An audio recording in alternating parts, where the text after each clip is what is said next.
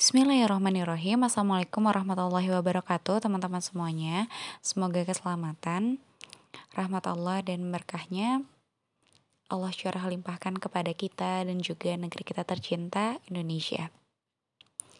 Ya teman-teman Setelah kita sudah menyelesaikan pendahuluan ya terkait femininitas ada lima episode. Ya insya Allah Hari ini kita akan mulai masuk ke episode pertama atau materi pertama dari femininitas.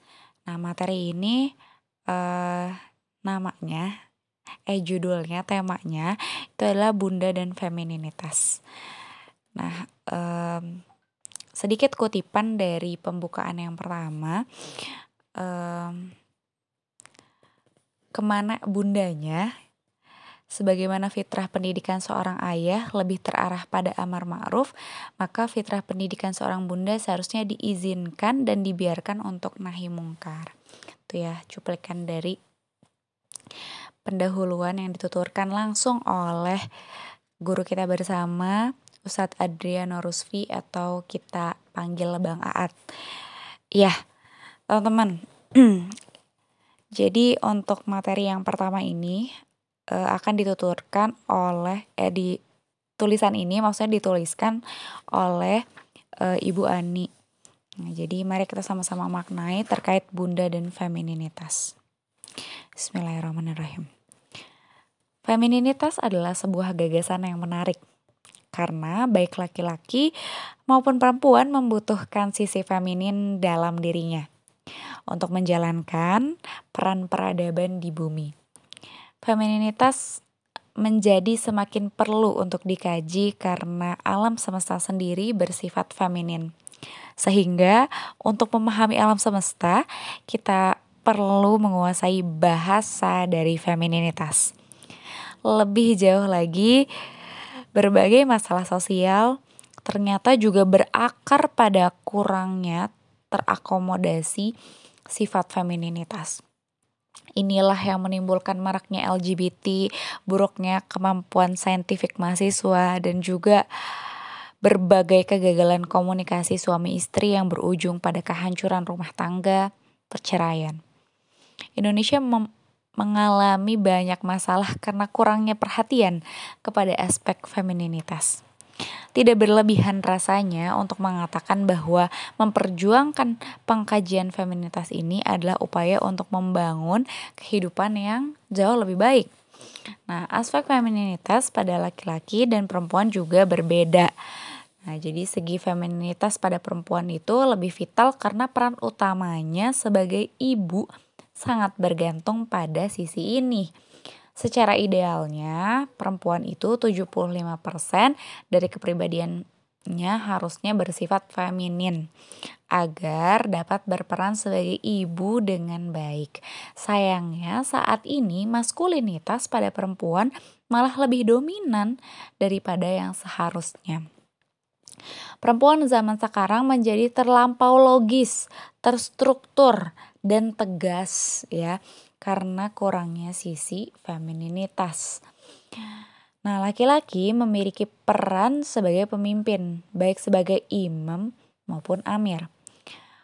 Peran amir mensyaratkan sosok laki-laki yang maskulin dengan karakter penuh karisma, kemampuan membuat perencanaan yang terstruktur, pertimbangan logika yang matang, kemampuan menyusun strategi jangka pendek maupun jangka panjang, sehingga kepribadian seorang laki-laki setidaknya harus terdiri dari 75% maskulinitas untuk dapat melaksanakan peran ini. Kendati demikian, fungsi kepemimpinan seorang laki-laki tidak melulu soal sifat maskulin. Laki-laki justru memerlukan segi femininitas juga dalam dirinya untuk dapat menjalankan peran kepemimpinan yang lain, yaitu sebagai imam Artinya, dalam presentasi total 100%, seorang laki-laki masih membutuhkan 25% sisi feminin agar dapat menjalankan peran kepemimpinannya sebagai imam. Jadi, kata imam sendiri dalam bahasa Arab ber berasal dari kata ummi yang berarti ibu. Jadi, imam adalah peran laki-laki yang membutuhkan keluasan, kelembutan, dan pengorbanan sebagaimana layaknya seorang ibu. Peran keimaman seorang laki-laki dijalankan dengan kasih sayang, ketulusan, kepedulian sebagaimana karakter seorang ibu. Femininitas banyak feminitas bahkan tidak hanya ada pada manusia saja. Alam semesta ini sendiri bersifat feminin. Alam semesta ini penuh misteri, sebagaimana perempuan yang sulit untuk dipahami.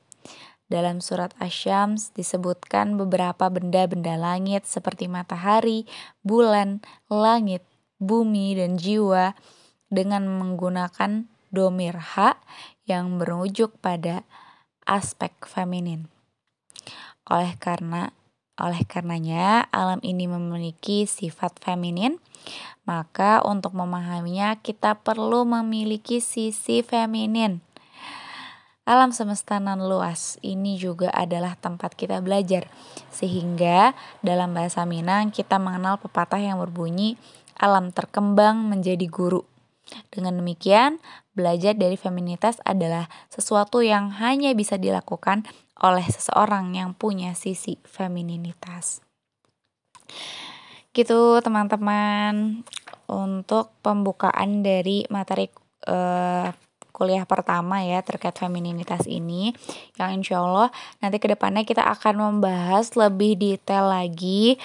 Kayak uh, detailnya tadi kan sempat disebutkan salah satu permasalahan yang sedang sedang marak itu LGBT gitu. Terus juga definisi gender ya buruknya kemampuan saintifik mahasiswa gagalnya komunikasi suami istri alam dan feminitas Indonesia yang uh, negeri dengan beragam bencana ya dan diakhiri dengan ini ya pembentukan umat yang membutuhkan femininitas. Gitu jadi sebenarnya masih banyak banget yang akan kita bahas insya Allah di materi pertama ini.